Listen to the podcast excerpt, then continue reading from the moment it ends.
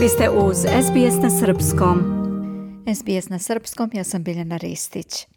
U programu prošlog četvrtka razgovarali smo sa dr. Natašom Kampmark, koja je na srpski prevela knjigu Nema prijatelja osim planina, a koju je napisao kurdsko-iranski novinar, pisac, filmski producent i borac ljudska prava i prava izbjeglica Behruz Bučani.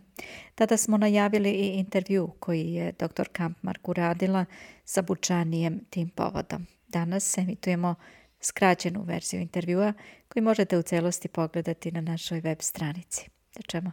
Razgovaram sa Behruzom Bučanijem, kursko-iranskim novinarom, piscem, filmskim producentom i borcem za ljudska prava i prava izbjeglica. Povod našeg razgovora je izlazak iz štampe srpskog prevoda njegove višestruko nagrađivane knjige memoara Nema prijatelja osim planina, zapisi iz zatvora Manus. Behruz, Uh, thank you for agreeing to do this interview and address your Serbian readers. Yeah, thank you. It's my pleasure. Yeah, thank you for having me. Mnogo je toga fascinantnog u vezi sa ovom knjigom, a posebno je interesantno kako je nastala. Možete li nam reći nešto više o tome? Yeah, actually, uh, you know, I didn't want to write a novel, so just I wanted to uh, write about that uh, real context. Nisam htio da napišem roman. Htio sam da opišem stvarne okolnosti. Ali, iako se radi o stvarnom kontekstu, nisam želio da ga prosto dokumentujem. Želio sam ga nadograditi fikcijom, zato što taj kontekst u kome Australija protjeruje izbjeglice na udaljeno ostrvo gdje ih drži u neograničenom pritvoru, to je veoma nadrealno. Zato sam u ovoj knjizi pokušao da stvorim svoj jezik, svoj ugao posmatranja i pogled na stvari. Nisam želio da dijelo u cijelosti bude fikcija, niti da u cijelosti bude pisano tim stilom. Htio sam da stil bude mješovit, pa se zato u knjizi vidi više slojeva.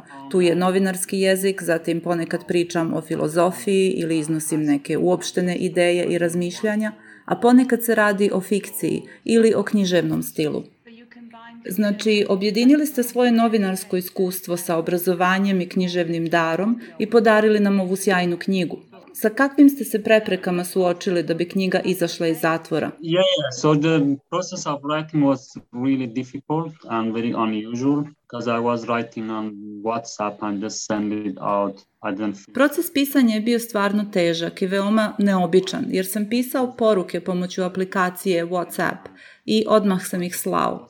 Mislio sam da nije bezbjedno jer mi u svakom trenutku mogu oduzeti sve što sam napisao.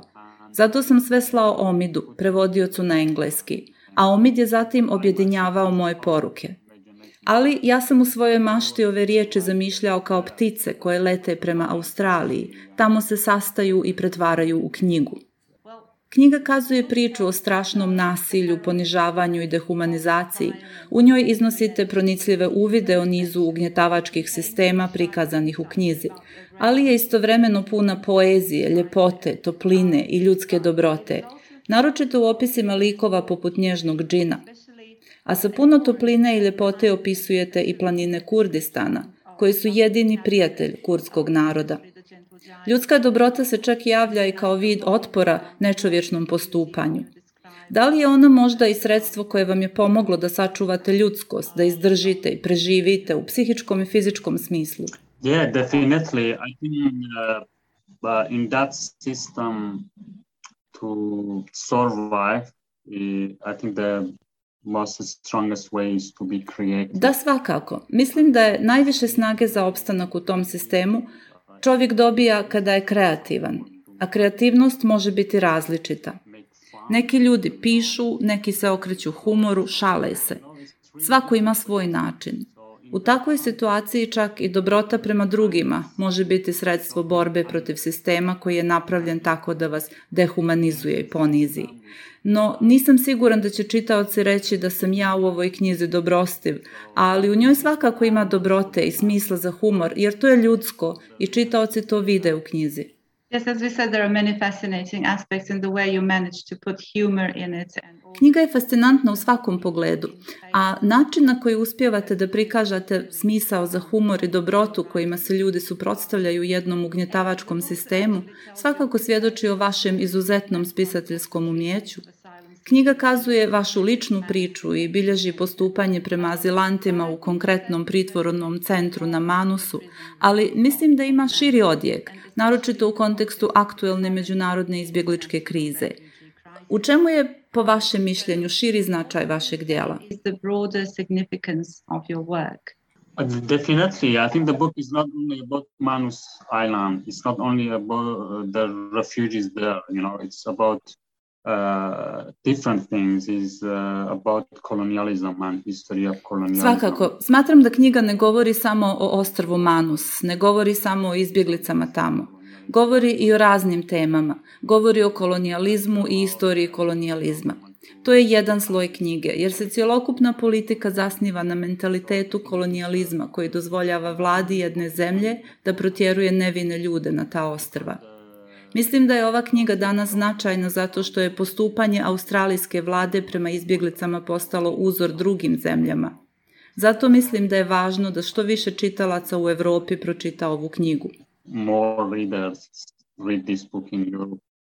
Da li je vaša knjiga koja je u Australiji dobila više prestižnih književnih nagrada uspjela da promeni stav ljudi prema izbjeglicama i azilantima? It's really difficult to create change in Australia You know, Australia system is like that. So I don't claim that with writing a book you are able to... Teško je dovesti do promjena u Australiji. Znate, australijski sistem je takav. Ne tvrdim da se pisanjem knjige može promijeniti postojeći mentalitet i sistem, ali pisanje sigurno ima uticaja naročito na same izbjeglice. Zbog njih je važno pisati. Recite nam na čemu trenutno radite? Uh, now I'm I'm doing different work. So so I'm doing some projects uh, with people in Australia on a play, also on a movie. Radim na nekoliko stvari. Sarađujem sa ljudima iz Australije na nekoliko projekata, na jednom pozorišnom komadu, a takođe i na filmu. Bavim se i akademskim radom, ali glavno na čemu radim jeste zbirka pripovjedaka. Ovaj put riječ je o fikciji. Um, and uh, finally, Um, the translation of your book into I za kraj, prevod vaše knjige na srpski objavljen je u ediciji posvećenoj književnim dijelima koja se bave problemima marginalizacije i ugnjetavanja. Među prevedenim naslovima su Zebaldov Campo Santo i Daleka obala Karila Filipsa. Da li biste mogli preporučiti neko dijelo koje bi se u okviru ove edicije moglo prevesti na srpski? Yeah, yeah, definitely. I think uh... uh, the biggest uh, Kurdish poet is Sherko Bikas. Mm-hmm. Yeah, which is really, I think his works are uh, great and many of his works are really translated. Tu je najveći kurdski pjesnik Sherko Bekas. Pjesme su mu odlične, a mnoga djela su mu prevedena na engleski.